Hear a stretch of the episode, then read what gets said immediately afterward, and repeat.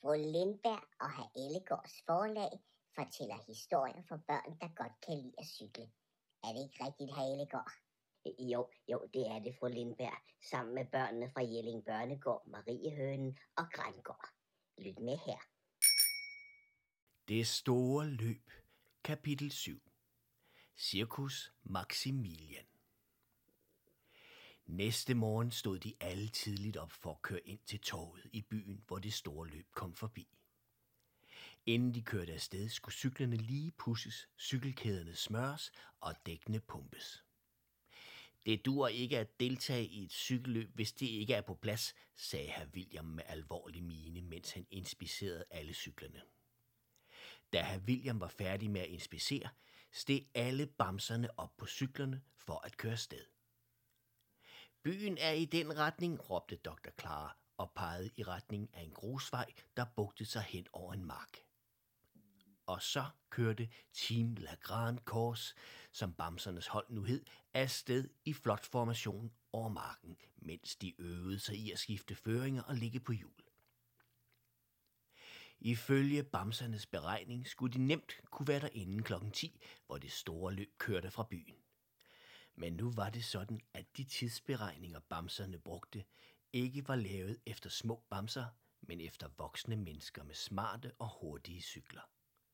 Og det hjalp heller ikke, at bamserne havde modvind hele vejen. Så da de ankom til byens torv, var der helt tomt. Tilbage var bare nogle store skilte, hvorpå der stod det store løb.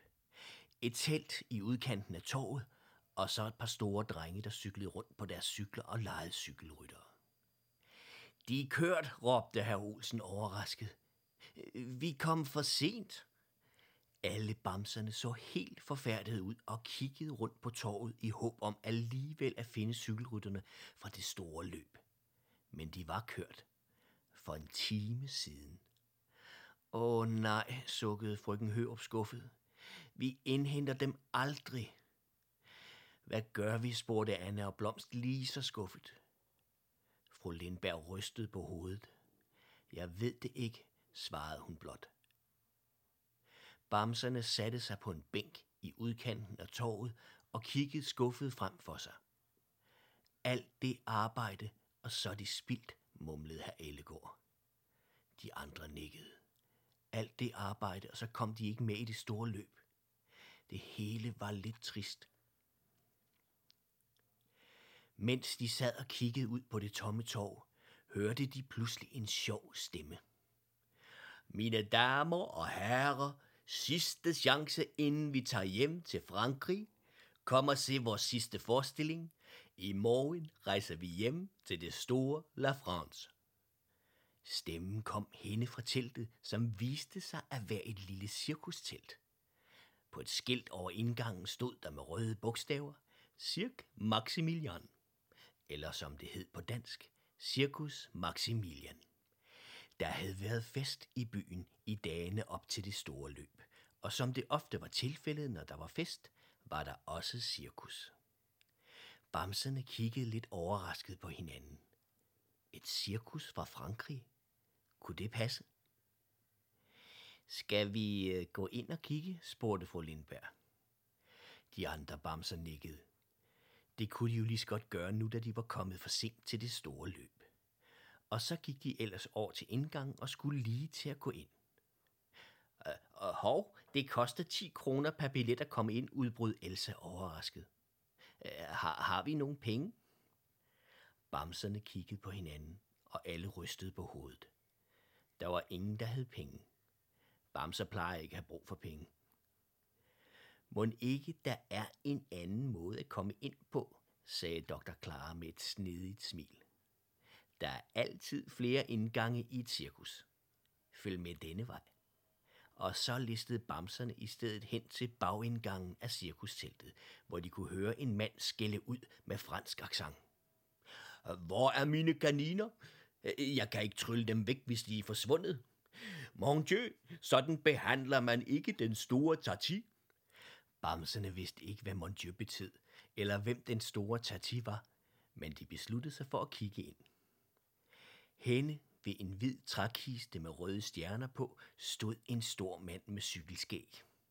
Han var iført en sort kappe, kjole og hvidt, høj hat, sorte laksko og hvide handsker. Og så havde han en tryllestav i hånden, som han brugte til at pege på den lille mand, mens han skældte ham ud. Den store mand lignede en tryllekunstner, så den lille mand var nok hans assistent. Hatati, jeg, jeg, jeg svæver, det er ikke min skyld, at de er forsvundet. Assistenten forsøgte at forklare, at det ikke var hans skyld, kaninerne var stukket af. Det lod dog ikke til at gøre den store Tati tilfreds.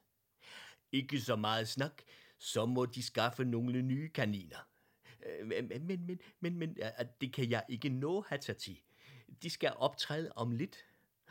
Åh, oh, mon dieu, mon dieu, så må vi bruge disse bamser, svarede den store Tati og pegede nu over på bamserne. Øh, men, men Tati, ikke mere snak, gør som jeg siger, afbrød Tati vredt og drejede rundt for at gå hen til indgangen til managen. Øh, øh, Javel, Tati, svarede assistenten og greb hurtigt alle bamserne, puttede dem ned i trækisten med de røde stjerner og gjorde sig så ellers klar til at slæbe alle Hatatis ting ind i cirkusmanagen. Inde for i managen kørte en klovnebamse rundt og lavede de mest fantastiske tricks på en ethjulet cykel. Han kunne både jonglere og cykle på én gang, og publikum var alle vilde og klappede begejstret, da han var færdig med sit nummer. Mine damer og herrer, cykelklovnen Theo fra Toulouse, lød det fra sprikstalmejsteren, der var trådt frem i lyset. Ja, ham med den sjove stemme. Han løftede nu sin arm for at vise publikum, at der kom noget spændende. Ærede publikum, nu skal I se den største tryllekunstner i hele verden. Mand, der ikke bare kan trylle alt væk, men også trylle det frem igen. Mine damer og herrer, den store Tati. Ind trådte den store Tati, efterfulgt af sin assistent, der kun med nød og næppe kunne bære den store hvide kiste med de røde stjerner. Med alvorlig mine bad den store Tati assistenten om at åbne kisten, så publikum kunne se, hvad der gemte sig i den. Nede i kisten sad alle bamserne og kiggede overrasket ud på publikum. Hvad sker der, udbrød Elsa. Øh, jeg tror, vi er havnet midt i et trylleshow, svarede herr Olsen. Au, øh, hvad gør vi, spurgte Elsa overrasket. Øh, vi smiler og leger med, svarede fru Lindberg og begyndte så ellers at smile til publikum. Det samme gjorde de andre bamser, og da publikum opdagede det, begyndte de at grine. Voila, råbte den store Tati og gav sig assistenten besked om at fremvise alle bamserne, så publikum kunne se, at der ikke blev snydt. En efter en løftede assistenten bamserne op, og publikum grinede nu endnu højere. Og efter at bamserne var blevet fremvist for publikum, lukkede assistenten kisten i igen. Og den store Tati tog nu over. Han tog sin høje hat af og viste den frem for publikum, så de kunne se, at den var tom. Herefter stillede han den oven på kisten og gik nu råbende rundt i managen og fortalte om, hvordan han ville trylle bamserne op i hatten. Alt sammen for at fjerne opmærksomheden fra kisten og hatten. Imens listede assistenten bamserne ud af en lille hemmelig lem i kisten, uden nogen opdagede det, og flyttede dem over i hatten. Egentlig et ganske simpelt trick, som publikum burde have opdaget men den store Tati var god til at fange publikums opmærksomhed. Det var faktisk det, han var bedst til. Den store Tati vendte nu tilbage til hatten og løftede den op med alvorlig mine. Hen over hatten svingede han sin tryllestav og trak den første bamse op. Det var herr Olsen, der smilede, som han aldrig havde smilet før. Det skulle nemlig ikke hedde sig, at han ikke kunne smile, hvis det var nødvendigt og nu rullede publikum rundt på sædepladserne af bare grin. Og en efter en kom alle bamserne op af den høje hat, mens publikum nu skiftede fra at grine til at klappe højt og begejstret. Det var det sjoveste, de nogensinde havde set.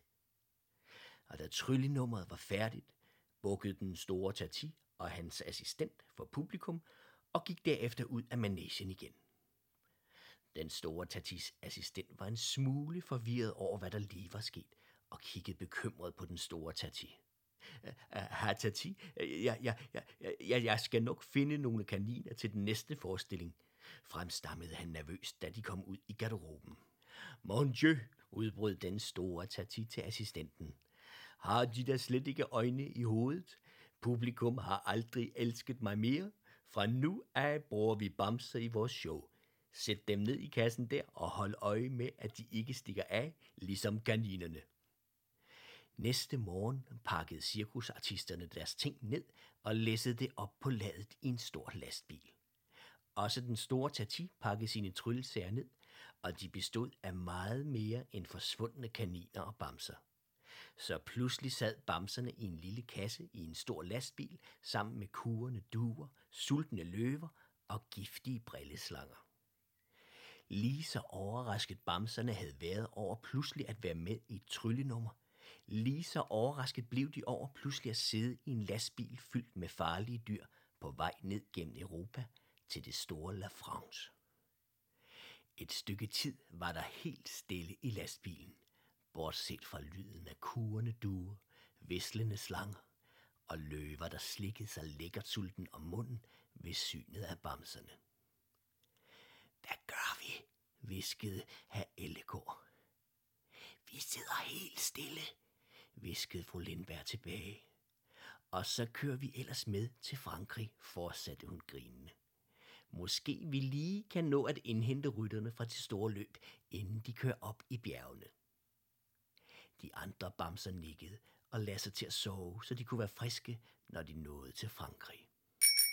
Det var det kapitel. Ja, det var det, men øh, der er heldigvis et kapitel mere. Man skal bare trykke videre på sin lyttedels. Ja, ja, ja, det er nemlig rigtigt. Og og fik vi, fik vi nævnt, at øh, det store løb er produceret af børne- og ungeforvaltning og dagtilbud i Vejle Kommune, sammen med Usal Jelling og, og Historielab, og, og sammen med Marie Høn og Grandgård og, og, og, og Jelling Børnegård, ja, ja, og så lige Venløst Radioteater også. Øh, au ja, det var vi lige ved at glemme. Nå, nå nu er det sagt.